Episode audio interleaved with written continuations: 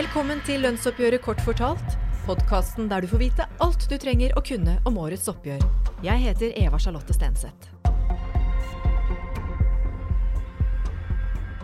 I forrige episode fikk du svar på hvordan det egentlig går med Norge, og hvorfor norske bedrifter ikke bare kan åpne lommeboka og gi folk mye mer lønn. Og nå skal vi snakke om selve lønnsoppgjøret. Og tro meg, det er mye mer spennende enn det høres ut. Det har betydning for om du kan kjøpe deg en pils på ferie i sommer, og i større sammenheng at du har en jobb å gå til. Lønnsoppgjøret det legger rett og slett fundamentet for at Norge går bra. Så velkommen til dere, direktør for arbeidsliv i NHO, Nina Melsom, og forhandlingsdirektør i NHO, Rolf Negård. Aller først, Nina, hvorfor er lønnsoppgjøret og modellen vår for lønnsdannelse så viktig for norske bedrifter og oss som enkeltpersoner?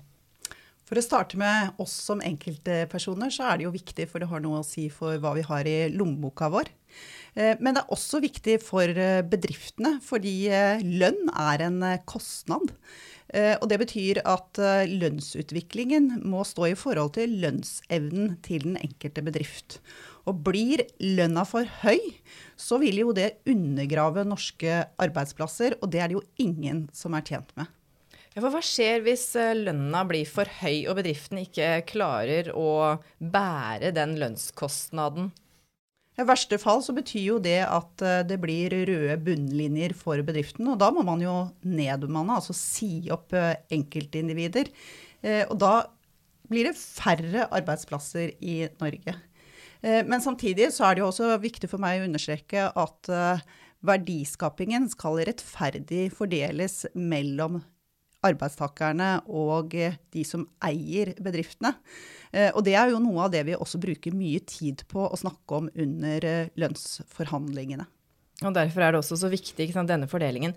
Men hvis man setter opp lønna til folk som jobber i bedriften, kan man ikke da bare sette opp prisene på det man selger ut, eller det man leverer til samfunnet, eller internasjonalt og både nasjonalt? Må huske på at Norge er et veldig lite land, eh, og vi lever ikke alene. Vi samhandler med hele verden hele tiden. Så hvis vi bare setter opp prisene, så får vi ikke solgt varene våre ut på det internasjonale markedet. Eh, og da undergraver vi igjen våre egne arbeidsplasser. Og det, akkurat det skal vi komme tilbake til litt seinere. I år i lønnsoppgjøret så har vi noe som heter et forbundsvist hovedoppgjør høres veldig formelt og egentlig litt vanskelig ut. Hva betyr egentlig det? Et forbundsvist oppgjør er helt enkelt fortalt at man eh, forhandler hver bransje for seg. Det kan være industrien for seg, det kan være byggebransjen for seg, det kan være luftfart for seg, eller det kan være handel for seg. Eh, og så er hovedoppgjør Det betyr at man forhandler ikke bare lønn. Da forhandler man eh, alle spørsmål som knytter seg til et eh, arbeidsforhold. Det kan være arbeidstid. Når på dagen skal du jobbe? Eller det kan være permisjonsrettigheter. Eller det kan være hvilke rettigheter du som ansatt har når du er ute på reise. Mm. Rolf, de fleste følger jo det her i media. Og i et forbundsvis hovedoppgjør så er det jo litt annerledes enn i et uh, samordnet oppgjør, som vi ikke skal inn på nå. Men uh, du, vi møter jo ikke LO-sjefen og NHO-sjefen i media i år. Hvem er det vi møter? Vi møter lederne for uh, alle, våre lands, alle våre landsforeninger og forbundslederne på arbeidstakersiden. De forhandler sin tariffavtale, som Nina sa, som er bransjevise. Det er én for verksted, én for bygg, én for renhold, én for vektere. Eh, I NHO så har vi i overkant av 200 slike bransjenasjonale avtaler. 120 av de er med LO. altså LO er den desidert største motparten til arbeidsgiverne i vår forening. Så det er veldig mange avtaler som skal forhandles uh, i år. Men hvem er det som vil, vi vil, vil, vil se mest da, når vi følger med i aviser og på TV? Ja, da er det konkurranseutsatt industri, såkalte frontfaget, som eh, går ut først. Og da er det den, de vi kommer til å se, det er eh, leder av Fellesforbundet, som er et LO-forbund, Jørn Eggum på den ene siden. Og så er det Stein Lier Hansen, Norsk Industri, som er en landsforening i NHO, på den andre siden. Det er de vi kommer til å se i TV og høre på radio. Så det er det vi møter, og dere har allerede nevnt ordet frontfag. Et annet vanskelig ord som uh, kanskje ikke alle vet hva er. Kan dere forklare hva det betyr? Nei, helt enkelt så betyr det at det er uh, konkurranseutsatt industri som forhandler først. Det er de som konkurrerer ute i verdensmarkedet. Fordi vi er så avhengig av å få solgt varene våre internasjonalt. Da betyr det at eh, lønnen i industrien må stå i forhold til de landene vi konkurrerer med. Og da er det de som går ut først, og så legger de på en måte normen for hva andre bransjer skal falle ned på. Så de bestemmer egentlig litt uh, hvor mye lønnsvekst vi uh, andre kan få, på et vis. Er ikke det litt urettferdig at ikke renholdere eller bussjåfører kan få mer lønnsvekst enn industrien? Hvorfor ikke det, Rolf? Det er jo fordi at uh, bransjen, de bransjene som skal selge varene sine på de internasjonale markedene, må være konkurransedyktige, og de må ha gode folk. Og hvis det ikke det var slik at det var en viss normsetting av hva de tåler å betale lønn, så vil de jo bli tappet for arbeidskraft. Og man må huske på at veldig mye av deres kostnader er knyttet til bruk av tjenester, nasjonale tjenester, som igjen er en del av kostnadsbildet som gir deres konkurranseevne utad. Så alt dette henger sammen nærmest i en sirkel. Så det vil si at hvis eh, alle andre enn industrien får mer lønn, så løper folk eh, dit penga er? Det er helt riktig. og det er jo for så vidt ikke så rart. Så, det, så, jeg skjønner at det er et viktig grunnlag for at eh, vi skal være konkurransedyktige. Lederen for Norsk Industri, Stein Lier Hansen, og lederen for Fellesforbundet, Jørn Eggum, er jo de dere vil møte i media nå i lønnsoppgjøret. Og nå skal Stein Lier Hansen selv få si litt om betydningen av det som heter frontfaget. Frontfagsmodellen består av at det er industrien som konkurrerer med utlandet, og som er arbeidsintensiv, som skal sette lønnsramma i Norge. Eh, det er for å sikre konkurransekraft, både industrien og for at det norske samfunnet skal kunne konkurrere med resten av verden. Den er viktig fordi det betyr at eh, vi har et lønnsutvikling i Norge som gjør at vi med vår lille åpne økonomi er konkurransedyktig. Og hvis vi ikke har en stor industri, så vil det være umulig å betale eh, for den velferden som folk i Norge ønsker seg. Og derfor må vi sørge for at industrien kan konkurrere. Vårt hovedansvar er å sørge for at årets lønnsoppgjør sikrer at industrien styrker sin konkurranseevne. Det betyr at vi må få et lønnsoppgjør som er rimeligere enn det konkurrentene våre har.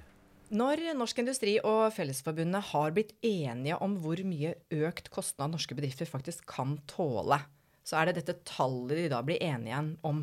Er det dette man kan forvente å få i lønnsvekst?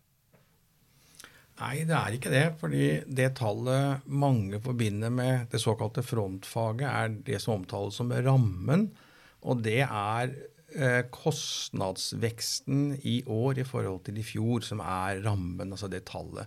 Det vi i realiteten forhandler om, det er kostnadsøkning eller lønnsøkning per en dato, normalt 1.4. Slik at Eh, det frontfaget forhandler, det er eh, et generelt tillegg per 1.4. for sine medlemsbedrifter.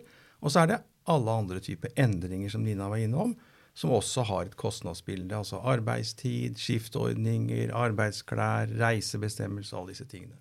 Så alt dette regnes inn i det ordet som heter rammen, og det tallet de blir enige om på to eller tre, eller hva det pleier å være, ikke sant? Eh, men det jeg lurer litt på da, det er når media da sier lønnsoppgjøret i privat sektor er i havn, f.eks. Det ender med et tillegg på 3,2% Blir det litt sånn feilaktig framstilt egentlig da? Ja, Det er egentlig litt uh, upresist uh, sagt. Fordi at det er som Rolf sier, det er mer komplekst enn som så. Men det gir samtidig en idé om lønn lønnskostnadsveksten. Og det er nok det på en måte journalistene prøver å gjøre litt enkelt for oss Vanlige dødelige. Oss vanlige folk. og godt er det, for det her er jo egentlig litt komplisert. Eh, men, eh, men når vi, vi, går litt videre, for den, denne rammen, det er i alle fall det bedriftene må forholde seg til, sånn at de ikke overgår frontfag eller konkurranseutsatt industri i kostnadsveksten og, og også da lønnsveksten. Men når Norsk Industri og Fellesforbundet er blitt enige, så er det jo flere andre som skal forhandle. Hvordan er gangen i det? Hva skjer da egentlig? Ja, når, når, eh, frontfaget er i havn, så har vi eh, med LO eh, over 100 andre avtaler som vi skal forhandle. Og med andre arbeidstakerorganisasjoner så er det også veldig mange. Så det er mer enn 200 avtaler vi eh, forhandler på vegne av NHO. Med andre ord, det er et kjempestort system som settes i, gang. Og så kommer kommune og stat deretter. Så, og det er jo fordi at eh, vi skal forhandle på vegne av alle norske arbeidstakere og alle norske eh, arbeidsplasser, egentlig. Eh, så komplekst, ja. Skal alle disse avtalene innom Riksmeklingsmannen? Det skal de heldigvis ikke. Nei, jeg tenkte det blir litt Sånn, voldsomt. tradisjonelt så har vi en 50-60 av alle disse 200 avtalene ender i, i såkalt mekling. Eh, så flesteparten blir enige gjennom forhandlinger. Eh, og vi har en forhandlingssesong som starter nå da i midten av mars. Og så er vi ferdig sånn i slutten av august. Så tariffoppgjøret er ikke bare frontfaget. For øvrige bransjer så kommer det utover våren. Men det som er fint hos oss, er at vi gjør dette samlet stort sett i annet kvartal hvert år. og Det betyr at alle eller alle områdene de forhandler under de samme økonomiske si, forutsetningene eller fremtidsutsiktene. Mm. Så de som havner hos Riksmeklingsmannen, da, er de som er til tvungen mekling? Er det sånn det er?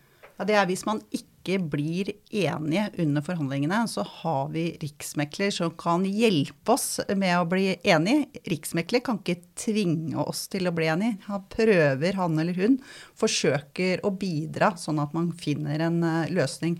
For alternativet er jo streik. Og det er et uh, veldig dramatisk uh, virkemiddel. Det koster mye, får store samfunnsøkonomisk betydning. Så derfor så har vi et system som skal forsøke å unngå at vi ender der. Vi har jo noe som heter koordinert lønnsdannelse i Norge. Hvorfor er det så viktig? Det er fordi at vi i Norge så er vi opptatt av at vi skal skape mange arbeidsplasser og beholde arbeidsplasser.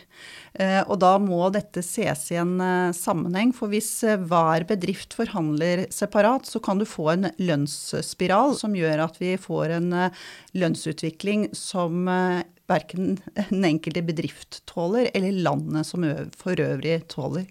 Mm. Rolf, vil du utfylle noe i forhold til koordinert lønnsdannelse i Norge?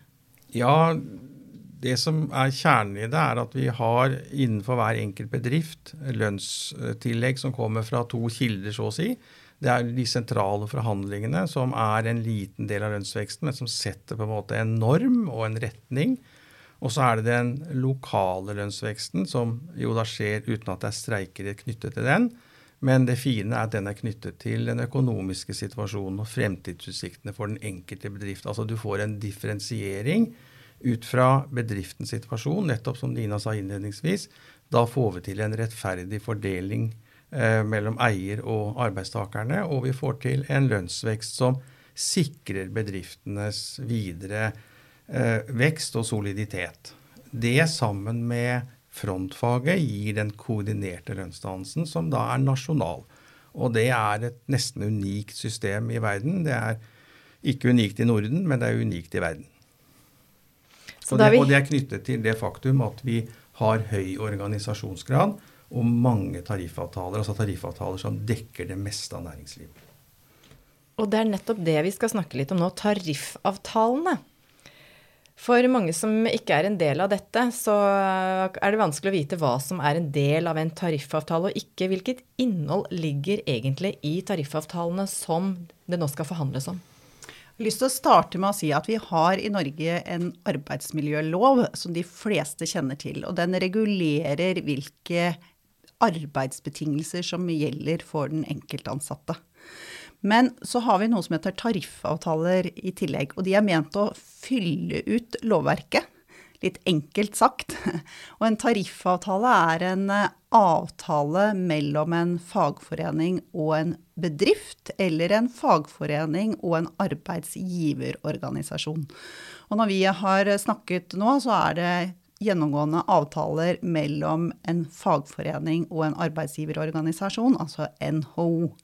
Og Det betyr at disse tariffavtalene kan regulere lønn, men de kan også regulere andre ting, så som arbeidstid, permisjonsrettigheter, ferie osv. osv. Er det bedre å være i en bedrift med tariffavtale enn en uten? Nei, det vil jeg nok ikke si. Veldig mange av NOs medlemsbedrifter er ikke tariffbundne. Og det er jo de ansatte som må kreve tariffavtale. Og så er det sånn at uh, veldig mange av de ikke-tariffbundne bedriftene de følger normen som gjelder for de tariffbundne F.eks. femte ferieuke. Det er noe som kommer gjennom tariffavtale, men det er det veldig mange av de ikke-tariffbundne bedriftene som også har. Ja, stemmer. Så det er ikke lovfesta, det? Det er ikke lovfesta, nei. Ah, er det andre eksempler på hva man har fått til gjennom tariffavtaler som ikke er lovfesta, men som har blitt en viktig? Ja, Et annet eksempel er arbeidstid. For etter loven så har vi 40 timers arbeidsuke. Men etter tariffavtalen så er det som et utgangspunkt 37,5 time. Stemmer. Det er jo noe av disse tingene trodde jeg var lovfesta, men det er altså en del av tariffavtalen. Og så kanskje de andre bedriftene som ikke har tariffavtale, følger etter? Er det litt sånn det kan funke noen ganger? Det er helt riktig. Mm. Ikke dumt. Eh, I år så er det jo 200, rundt 200 tariffavtaler som NHO skal eh, forhandle om. Er det mye likt i de avtalene her, eller er alt egentlig forskjellig? Det er mye likt. Altså, arbeidstidsbestemmelsene er stort sett gjennomgående, og, og, vi er veldig opptatt av at det er 37,5 timer per uke som er, er, den regelen som skal gjelde for alle. Vi vil ikke være med på at enkeltbransjer skal ha avvikende arbeidstid. Så noen av disse helt grunnleggende tingene er like, men så er det jo en grunn til at det er 200 av de, og er jo at det er tilpasset den enkelte bransje og de utfordringene og de det behovet for regulering som er knyttet til den produksjonen. Så det er mye forskjell, eh, absolutt. Og husk på at disse avtalene er ganske gamle, mange av de. Og de har utviklet seg gjennom mange faser av utviklingen av samfunnet. Så, så man vil nesten bli overrasket når man ser en del av de reguleringene som fortsatt er der. Ja, Det skulle jeg likt å se, men de er kanskje veldig store etter hvert òg, som man har eh, forhandla om nye ting år for år. Er det noe som tas ut, ut, eller legges det bare til? Det er nok noe som tas ut, men dynamikken er nok eh, lettest at man putter ting på. Og det er jo noe som jeg tenker at vi må være litt uh, aktsomme i forhold til. At vi må gjøre at tariffavtalene til enhver tid uh, er operative. Både for bedriftsledelsen og for de ansatte. For blir de for store, så kan de bli, kanskje virke litt avskrekkende.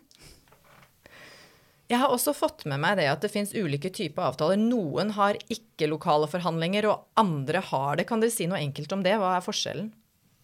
Forskjellen er akkurat som du sier. Ja. Eh, en ja, Ca. 20% av de ansatte i våre medlemsbedrifter innenfor disse områdene har all sin lønn fastsatt gjennom den sentrale tariffavtalen. Altså at eh, organisasjonene forhandler og sier at dette er lønnen for den type arbeid. Eh, det er særskilte årsaker til at man ønsker å ha det sånn for disse bransjene, altså ikke lokal lønnsdannelse, mens resten da har adgang til å gi eh, ekstra tillegg lokalt, basert på bedriftens situasjon. Ja, så Da er det bedriften, altså for de som har lokale forhandlinger, som bestemmer hva den har råd til å gi ekstra etter de sentrale forhandlingene? Det er riktig, og det er ikke streikerett knyttet til de forhandlingene. Ok, Så man kan kun streike i sentrale forhandlinger? Ja, og dette er jo helt særskilt og helt unikt i verdenssammenheng. Altså at det er så stor grad av tillit mellom fagforeningene og arbeidsgiverne og arbeidsgiverorganisasjonene at man nær sagt at fagforeningene tillater at vi har så stor del av lønnsveksten knyttet til de lokale forhandlingene, hvor de da ikke har streikerett.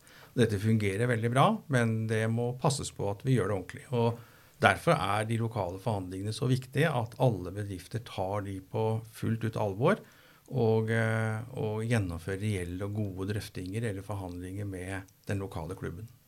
Hvis lokale forhandlinger er så viktige, hvorfor har ikke alle det, da? Fordi i noen avtaler så har man, eh, eller innenfor noen bransjer så har man funnet det mer hensiktsmessig å ha eh, noe som heter normallønn. Altså man definerer hva lønnen skal være. Eh, og det er ut fra deres eh, valg. Så det er litt hva, bran hva bransjene selv finner hensiktsmessig. Så er det ett skille til, eh, som vel nesten bare vi Nina, snakker om. altså Såkalte arbeideravtaler og funksjonæravtaler. Ca. halvparten av de avtalene, og de avtalene vi har snakket om til nå, er avtalene for de som jobber i produksjonen, og som har en kollektiv forhandling og kollektiv fastsettelse av lønn og andre arbeidsvilkår.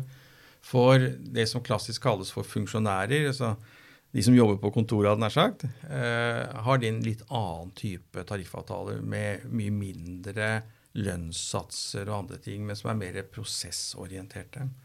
Eh, og ca. halvparten av de ansatte tilhører de avtalene i dag. Så kan vi vel kanskje, Rolf, også føye til at uh, i offentlig sektor, så har de litt andre avtaler igjen. For da er lønnen mer definert. Altså mer det som jeg snakket om i forhold til normallønnsavtaler. Det er i hvert fall tydelig at det er mange typer tariffavtaler der ute. Og nå har vi fått en liten oversikt over, over de. Og det som egentlig overraska meg mest, var at eh, det er så mange elementer som er viktige for oss som arbeidstakere, som faktisk har kommet igjennom, sånn som 37,5 timers uke og fem uker ferie, gjennom tariffavtaler, og ikke gjennom loven. Så da, da vet vi det. Ja, og Det viser vel også betydningen av å ha et organisert arbeidsliv. At veldig mange av eh, revisjonene, altså nyvinningene, de kommer gjennom forhandlinger mellom arbeidsgivere og arbeidstakere, og hva de ser seg tjent med. Hvor viktig er det her med at uh, den norske modellen holder de som tjener mest, bitte litt nede? Altså, de tjener jo ikke så mye som i en del andre land, som USA f.eks. Også de lavtlønte de får ganske god lønn. Hvor viktig er denne balansen her? Det er viktig fordi at det har bidratt til at Norge er veldig produktivt. Eh, vi er raske til å ta eh, i bruk ny teknologi. Eh, og det, det gjør at arbeidsoppgaver som, hvor lønna kunne vært lav, de, da bruker vi ny teknologi istedenfor. Men da, man, da kommer vi litt tilbake til dette samspillet. For det gjør jo at noen arbeidstakere mister jobben sin. Og da må velferdssamfunnet bidra til at vi løftes inn i nye jobber. Mer produktiv jobber. Mm. Eh, og så er det jo viktig, for hvis man får for store forskjeller i et eh, samfunn, så skaper det spenninger og kan bidra til flere konflikter. Og det er heller ikke et land tjent med. Så modellen vår den gjør at vi har mindre forskjeller enn mange andre, og tvinger bedriftene våre til produktivitet. Ja, og da kan vi også unne oss selv ja, mm. høy produktivitet, og da kan vi også unne oss høyere lønn. Ikke sant? Jeg vil ikke si tvinger oss til høy produktivitet. Det gir høy produktivitet med et positivt fortegn. Uh, ute i bedrift, det at ikke det er for store avstander, gjør jo at alle ansatte har en, har en interesse og en lyst til å bidra til å videreutvikle bedriften. Det er ikke disse store forskjellene og misunnelse og, og klassesamfunn. Det er et team fra yngstemann til eldstemann eh, om å ville bedriften det beste. Og det gir produktivitet. Og det er produktivitet som gir konkurranseevne. Så enkelt og så vanskelig. Så enkelt og så vanskelig og så unik er den norske modellen vår og modellen vår for lønnsdannelse. Hvis du vil få med deg mer om eh, hva som kommer til å skje i årets lønnsoppgjør, så kan du følge med oss på nho.no, og selvsagt også følge oppgjøret i eh, media.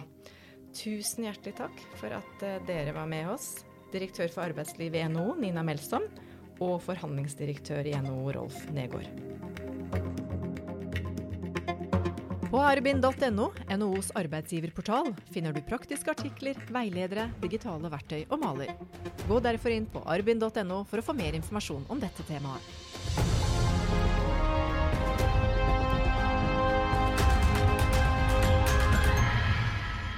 Denne podkasten er produsert av Tid og Lyst for Næringslivets hovedorganisasjon.